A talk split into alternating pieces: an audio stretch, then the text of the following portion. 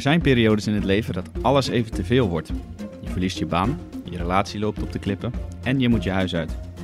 Op het wereldtoneel ziet Arendo Joustra iets soortgelijks gebeuren. Er gaat van alles mis op hetzelfde moment. We gaan het erover hebben in deze nieuwe aflevering van de podcast Non Solus, waarin we wekelijks met onze hoofdredacteur praten over wat hem bezighoudt. Mijn naam is Matthijs van Schie. Goed dat u weer luistert naar een nieuwe podcast van Els 4 Weekblad.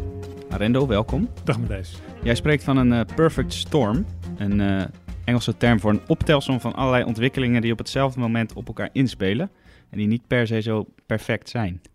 Wat bedoel je daar precies mee? Nou ja, net als wat je net met je inleiding zei over die dingen die in je privéleven mis kunnen gaan, maken veel mensen zich wel zorgen wat er nu op het wereldtoneel gebeurt. Uh, nou, als je een beetje afloopt, dan zie je natuurlijk in eerste plaats dat China enorm aan het opkomen is als uh, groot land. Uh, het is een dictatuur. En dat verstoort een beetje de geopolitieke verhoudingen. Je kan het een beetje vergelijken als een, als een nieuwe jongen op school die een beetje spierballen heeft. En dan gaan andere kinderen zich daar een beetje naar richten. Dus sommigen die proberen in zijn gevlei te komen, anderen die zetten zich schrap en anderen houden zich eventjes gedijst. En tegelijkertijd, dat zie je nu ook eigenlijk in de wereld, hè, sommige landen die schuren eigenlijk een beetje tegen China aan. En uh, nou, Trump verzet zich, maar die speelt ook een beetje een tango met en die China. heeft ook spierballen natuurlijk. En ook zijn eigen spierballen. Maar je ziet ook in, in, in de afgelopen decennia dat uh, de Verenigde Staten als, als politieman van de wereld, dat die positie een beetje aan het afnemen is. Tegelijkertijd zie je natuurlijk autocraten, uh, de Russische president en de Turkse president, die proberen in de luwte van wat daar dan gaande is. de luwte is ook een beetje stilte voor de ja. storm. proberen daar profijt van te trekken. Dus geopolitiek is de boel onzeker. Bovendien heb je dan ook nog wereldleiders die, uh, die nogal impulsief of onverwacht reageren, wat heel lastig is, want mensen willen zekerheid en niet iemand die impulsief reageert. Dat Trump er zit, heeft allemaal wel oorzaken, maar daar gaat het nu even niet om. Hij, hij is er en hij is de man die die is. En dat uh, botst dan, of uh, dat conflicteert dan soms weer met bijvoorbeeld China. Nou ja, en dat is natuurlijk een, vrij, uh, dat geeft mensen een onzeker gevoel over waar de wereld naartoe gaat. Ja, dat is een, een situatie eigenlijk die best wel uh, nou ja, risico's met zich meebrengt, denk jij? Ja, die, die risico's zijn tegelijkertijd is het allemaal niet voor niks. Hè? Dus, dus ook zonder Trump was er een conflict gekomen tussen uh, de Verenigde Staten en, Noord-Korea bijvoorbeeld. Omdat uh, nou ja, Noord-Korea, als die, als die Californië kan bereiken met raketten, dan moet elke Amerikaanse president daar, daar reageren. Nou, en hetzelfde is met China, ook zonder Trump of, of ook, was China ook in deze positie gekomen.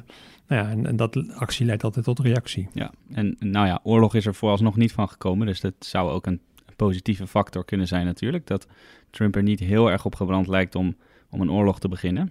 Maar ja, het is Trump niet degene die de oorlog hoeft te beginnen. Andere landen kunnen natuurlijk in, in nogmaals in, in de slipstream of in de schaduw van, van, van zo'n conflict kunnen ze natuurlijk uh, een, een graantje meepikken. Dat zie je bijvoorbeeld met Rusland, die toch zonder veel moeite de Krim kon, kon, ja. uh, kon overnemen. Uh, en ook uh, in Oost-Oekraïne aan de gang kon gaan.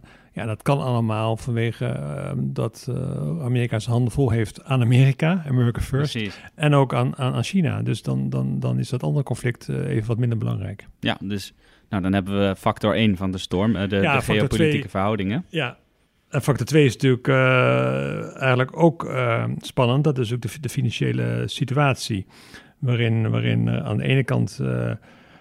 De beurskoersen enorm hoog zijn. Veel hoger dan eigenlijk de bedrijven waard zijn. Aan de andere kant heb je natuurlijk een enorme lage rente. Maar dat verklaart gelijk die hoge beurskoersen. Want als beleggers met hun geld ergens naartoe moeten, gaan ze niet naar de spaarbank, maar gaan ze natuurlijk gaan ze beleggen. Nou, dat is één aspect. Het tweede aspect is natuurlijk dat de schuldenlast in de wereld enorm is. Die is ongeveer drie keer zo hoog als wat wij, als uh, alle wereldburgers en alle bedrijven in de wereld met elkaar verdienen. Dat is drie keer zo groot. Dus dat is ook enorm. Uh, en tegelijkertijd is de rente laag. Dat heeft ook allemaal uh, gevolgen, ook in Nederland. Uiteraard uh, bekende verhaal van de pensioenfondsen. Ja, veel onzekerheid ja, ook bij de Nederlanders daarover. Veel onzekerheid bij de Nederlanders. Ook een beetje boosheid vanwege lage rente. En ja, dat heeft weer, um, wordt, is mede veroorzaakt, niet alleen overigens, maar mede veroorzaakt door de centrale banken. En ja, die, die de rente laag houden om de economie aan te jagen. Ja, en dat uh, vroeger waren natuurlijk de centrale banken een soort, soort baken van zekerheid. En nu zijn ze een beetje brengers van onheil. Ja, nou ja, uh, Klaas Knot van de Nederlandse Bank. Die, uh, die heeft zich ook eigenlijk uitgesproken tegen de beslissing van Draghi van de Europese Centrale Bank om de rente verder te verlagen. nou ja, ten eerste vond jij dat een goede zet. Ten tweede schieten we daar wat mee op. Nou ja, het is meer een, een uiting of een soort. Het illustreert alleen maar het, het, ongemak. Want normaal gesproken spreekt de centrale bank met één mond en normaal gesproken spreken ze elkaar niet tegen. Uh, maar nogmaals, wat ik zei, als de centrale banken waren vroeger een baken van vertrouwen. Ja, als nu centrale bankiers elkaar gaan tegenspreken, dat illustreert alleen maar de grote onzekerheid en, en, en blijkbaar de gevaren die, die er zijn. De Europese Centrale Bank heeft voor miljarden en miljarden en miljarden en miljarden uh, de staatslening opgekocht. dus ja, dat, dat, dat, de schuldenlast van Europa is ook enorm. En nou ja, dat hebben we nog nooit eerder meegemaakt op deze manier. Ook niet die lage rente. En wat gebeurt er als het misgaat? Hè? staat Italië niet, bijvoorbeeld. Het staat, het staat niet in de schoolboekjes. Nou ja, maar Italië is maar, is maar één aspect. Maar het gaat ook om de enorme last die we dan... We praten vaak over het klimaatverandering. Uh, dat we dat niet naar onze, onze kleinkinderen moeten... Die last niet naar onze kleinkinderen moeten geven. Maar met enorme schulden in, die in Frankrijk uh, worden opgekocht... doen we eigenlijk hetzelfde. Ja, precies. En uh, nou, we hadden het net al even over Klaas Knot. En dat is misschien wel een, een uiting van een breder probleem wat jij uh, ook benoemt. Namelijk dat allerlei uh, Nederlandse beleidsmakers, politici eigenlijk uh, gebonden zijn aan allerlei verdragen die op veel hoger niveau worden ja, getekend. Dat was vroeger ook al zo. Hè. De, de, gulden was gekoppeld aan de Duitse markt. Dus ons financieel beleid, monetair beleid moet ik zeggen, werd eigenlijk gemaakt toen, ik denk ook in Frankfurt. Um, maar dat zie je ook een klein beetje. We zijn natuurlijk, uh, vroeger had je het ook Nederland en dat was uh, met eigen, eigen grondwet en eigen wetten. Eigen maar, munt. Eigen munt ook. Um, ook al was die dan gekoppeld aan de Duitse mark na een bepaalde tijd. Maar wat je natuurlijk ziet, en dat is natuurlijk logisch in een wereld die uh, mondialiseert. Hè, de wereld is een dorp, of zo zeggen ze dat. Dan zijn er natuurlijk heel veel internationale verdragen. Maar dat betekent ook natuurlijk iets voor de nationale parlementen. Want die verdragen die zijn bovengeschikt aan de wetten van een land. Dus wij moeten ons houden aan allerlei internationale verdragen die we weliswaar hebben geaccordeerd als, uh, althans het Nederlands parlement, maar die, gaan, die zijn bovengeschikt. Dus daar moet je allemaal onthouden. Dus de, de zeggenschap eigenlijk van het, van het Nederlandse parlement en van andere parlementen in Europa, maar ook daarbuiten, is eigenlijk veel kleiner geworden.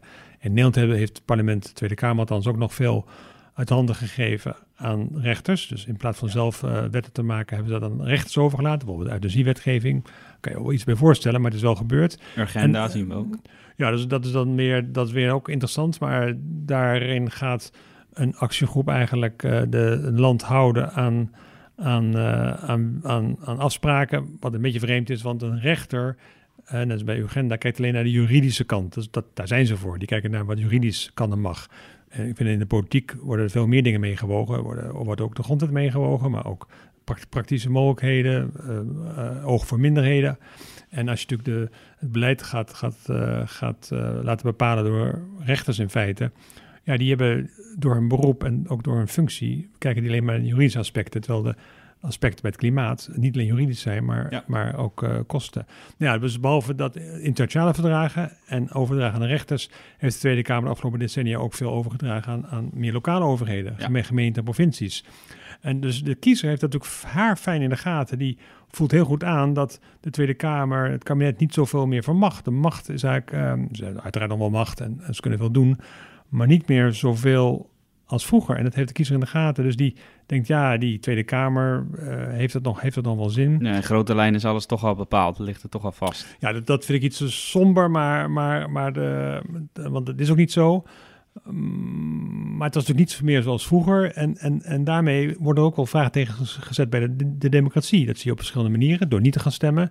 Door, door een beetje uh, laatdunken te doen over de democratie. Maar je ziet natuurlijk ook dat er verzoeken zijn, aanvragen zijn voor een wat directe vormen van democratie, zoals als het referendum. Kan je alles van vinden, maar het zijn allemaal uitingen, illustraties van, van, van, um, van onrust eigenlijk over hoe we onszelf besturen. En dan wil ik nog even terug naar de, internationale verdragen. We hebben er de afgelopen jaren genoeg uh, prominent gezien. Bijvoorbeeld uh, nou ja, het klimaatverdrag van de Verenigde Naties dat wij getekend hebben, maar ook um, bijvoorbeeld het, het immigratieverdrag van Marrakesh. En uh, natuurlijk de, de EU-regels over stikstof, waar we nu uh, flink wat problemen mee ervaren. Dat zijn allemaal verdragen of regels uh, waar wij ons aan gebonden hebben. En die ons inderdaad als, als nationaal parlement wat, wat minder macht geven. Tegelijkertijd zegt Wopke Hoekstra in de HJ schoollezing bij ons, bij Als Weekblad, dat politici zich daar niet achter mogen verschuilen. Hoe, hoe kun je dat eigenlijk met elkaar rijmen? Ja, dat, dat moeten we wel. Kijk, je kan ook zeggen natuurlijk, als een klein land als Nederland uh, heeft heel veel, heel, heel veel baat bij internationale verdragen. Want macht hebben we niet als klein land. Dus dan, dan zoek je het altijd in recht. Uh, niet voor niks komt het zeerecht van Hugo de Groot. Hè? Dus, uh, dus, in die zin is het logisch voor een klein land om zich om te vertrouwen op recht. Dat is niet zo gek. Um, en je, maar goed, het is wel zo, verdragen kan je opzeggen. En verdragen zijn vaak gestold in de tijd. Bijvoorbeeld het vluchtelingenverdrag is zo in de naoorlogse jaren getekend en, en, verzonnen, of, of ja, geratificeerd. En, en dat was ook logisch, want na de Tweede Wereldoorlog waren heel veel groepen mensen op drift geraakt om weer een nieuwe thuis te zoeken. Dat gold natuurlijk in eerste plaats voor de Joden, de overlevenden van de Holocaust, maar natuurlijk ook voor. Er kwam een soort ijzeren muur in Europa. Dus mensen, mensen uit Oost-Europa gingen, gingen zochten heil in, in het Westen. En, en, gek genoeg ook omgekeerd gebeurde dat wel. Uh, maar er waren veel mensen op drift en er was een soort vluchtelingenverdrag. Maar dat was heel erg uh, specifiek voor die situatie. Maar het vluchtelingenverdrag geldt nog steeds. En daar wordt nu op een hele andere manier gebruik van gemaakt. En, en, en Buma, de voormalige leider van het CDA, heeft ook al aangegeven dat het vluchtelingenverdrag van die jaren 40, eind jaren 40 herzien moet worden. Heeft zich ook sterk gemaakt in de EVP, de Europese de Christendemocratische Partij. Maar ik zie nog geen, geen uh, lichtpuntjes. Ja, en Hoekstra, die kan wel zeggen, Wopke Hoekstra, de minister, kan wel zeggen, ja, de, hij illustreert, hij zegt eigenlijk, een van die in het verdrag is een beetje het onvermogen eigenlijk uh, van de politici. Die, die schuilen zich of achter verdragen of achter doorrekeningen. Ja. wel doorrekeningen als eigen departement. Hè. Dat is waar. Of, uh, of, hè, of Brussel. Uh, maar hij bedoelt het in een andere zin. Hij bedoelt, ja, als je dan, als je dan door een verdrag moet doen, moet je dat ook verdedigen. Moet je zeggen, nou, we hebben dat verdrag getekend en dan moet het ook verdedigen. Dat is één punt wat ik wil maken. Die verdragen zijn vaak bovengeschikt, bovengeschikt boven de grondwet. Ik vind dan ook eigenlijk dat die verdragen, internationale verdragen, ook net als de grondwetwijzigingen, met twee derde meer, meerderheid van Tweede en Eerste Kamer moeten worden, uh, moeten worden aangenomen. Nu gaat het met een gewone meerderheid. Maar als je een internationaal verdrag hebt wat dan zo sterk inwerkt op je samenleving, het heeft recht, het heeft kracht van een grondwet, dan moet je het ook als een grondwet behandelen. En moeten ze ook twee derde meerderheid uh, gekozen worden. En artikel 91 van de Nederlandse grondwet geeft die mogelijkheid ook. Uh, om, dat, om zo te doen. Maar er wordt geen gebruik van gemaakt. En dat is jammer, want je hebt als Tweede Kamer, Eerste Kamer wel de kracht en de macht om een inter internationaal verdrag te behandelen als het een grondwetsartikel. Precies, ja, daar sprak jij een paar maanden geleden ook over uit. Dat was, uh, als ik het me goed herinner, een plan van Kees van der Staaij van de tweederde meerderheid om een ja, te wijzigen. Ja, het bestaat al, maar hij wil het dan echt gebruiken voor elke Europese uh, regelgeving. Ja. Dus, uh, Was jij voorstander van? Uh... Nee, ik, ik vind als iets bovengeschikt wordt aan je eigen grondwet, moet je het ook als een grondwetsartikel behandelen. Want ja. het is eigenlijk een wijziging van je eigen grondwet. En een normale wijziging van de grondwet moet met tweede meerderheid. Dus het is vrij logisch dan ook om dit te doen. Maar goed, de meerderheid van de Tweede Kamer denkt er anders over, helaas. Ja, ja zo is het. dan hebben we allerlei nou ja, wetgeving behandeld. Maar er is ook nog een onderstroom die jij ziet, een, uh, een uh, zekere mate van uh, culturele revolutie, zoals je dat noemt. de culturele revolutie was natuurlijk in China onder Mao Zedong, maar jij ziet daar ook wel spoortjes van in, in Nederland, maar breder ook in de hele westerse wereld. Ja, wat je nu ziet, we, we praten steeds over een soort crisis. Hè? De geopolitieke crisis, de financiële crisis, de, de, de crisis in de democratie. Ja. En je hebt ook een, een culturele crisis of een culturele revolutie. En al die crisissen werken op elkaar in. En wat je nu heel erg sterk ziet, is een soort, dat soort culturele revolutie die je net ook in China zag. En die komt een beetje overwaaien, een beetje uit Amerika ook, maar het zit ook wel in Europa. Is natuurlijk de hele identiteit. Dus een persoon wordt teruggebracht tot zijn identiteit. Dat kan zijn etnische achtergrond zijn, zijn geloof of zijn, of zijn, of huidskleur. Dat doet natuurlijk in Nederland uh, vrolijk aan mee, door, door met, mensen met een bepaalde religie ook weg te zetten.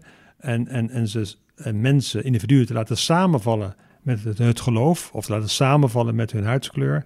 Ja, dat is, dat is natuurlijk niet, niet, uh, nee, ja, dat is niet handig. Ik vind dat je mensen moet zien als individu en niet moet beoordelen in eerste plaats op een, op een huidskleur. Maar het gekke is, uh, huidskleur of religie of, of etnische achtergrond. Het gekke is dat uh, mensen dat nu tegenwoordig zelf doen. Hè. Ze verengen zichzelf tot hun seksuele identiteit, tot hun, tot, tot hun, hun eigen geaardheid of hun hun afkomst, uh, van een bepaalde provincie bijvoorbeeld. Ik ben Achterhoeker, bij ze spreken. Dat is vrij onschuldig, vinden we allemaal. Dat is vrij onschuldig, ja. maar je doet het ook met, met huidskleur of, of met, met, met religie. Een soort, dan wordt het een beetje, wordt het een beetje fanatici eigenlijk. Ja. ja, en dat botst dan per definitie met andere fanatici. Dus dat is en dat is nogal wereldwijd. Dus je ziet in India hetzelfde gebeuren. Dat is altijd al zo geweest daar, maar dat, wordt nu, dat loopt nu nog hoger op. De etnische en uh, religieuze lijnen. Absoluut. Uh, en met, uh, met, met wat in, in, in Kashmir in de hand is. Nou, dus, dus je ziet over de hele wereld nog een soort culturele revolutie. En dat heeft vaak een, een diepe oorzaken, heeft zo'n revolutie, maar ook lang, lang verstrekkende gevolgen. Ja. Dus dat gaat ons een keer door die andere crisissen heen die we besproken hebben. En ja, dat wordt toch bij elkaar een giftige cocktail. En dan heb ik nog niet eens genoemd de klimaatverandering, die ook voor veel onrust zorgt en, en, en ruzie en, en, en, en, en ook enorme geld, geldbedragen gaat vergen. Ja, want de financiële en uh, wettelijke problemen, die hebben natuurlijk daar ook weer van alles mee te maken. Ja, dus de klimaatverandering die, die komt nog eens een keer dwars doorheen. En dan hebben we nog niet eens uh, gehad over iets wat, waar we langer mee te maken hebben. Zeker sinds 2001 is op ons, ons netvlies is natuurlijk uh, de islamterreur, die, die ook niet ophoudt. Um, dus ja, dat zijn dan uh, allemaal ontwikkelingen die en met elkaar te maken hebben en uh, elkaar inspelen. Wat je toch een, een soort onheimisch gevoel geeft. Dat is geen Duits, geloof ik, maar, maar Nederlanders weten wat daarmee bedoeld ja. wordt. Het maakt een beetje onrustig, het maakt een beetje je onveilig voelt, een beetje gedeprimeerd. Um, ja, dat is een giftige cocktail die je niet vrolijk maakt. Maar dan zeg ik altijd maar weer. Er kwam vandaag een collega binnen en die liet zien dat haar dochter een babytje uh, had gekregen. En dat ze oma was geworden. En baby's worden altijd geboren en brengen altijd vreugde en hoop op de toekomst. Nou, dat lijkt me een heel mooie uh, optimistische afsluiting van een toch wat uh, nou ja, zwartgallig, zwartgallig onderwerp. Dankjewel Arendo voor deze interessante duiding van onze tijd. U luistert naar onze podcastserie Non Solus met hoofdredacteur Arendo Joustra. En wilt u zich nou abonneren op deze podcast of op onze andere podcastseries? Ga dan naar elsvierweekblad.nl slash podcast. Meer opinies en commentaren, waaronder deze non-solus die ook in het blad staat, vindt u op elsvierweekblad.nl slash opinie. Mijn naam is Matthijs van Schie en ik dank u hartelijk voor het luisteren deze podcast van Els Weekblad. Tot de volgende keer.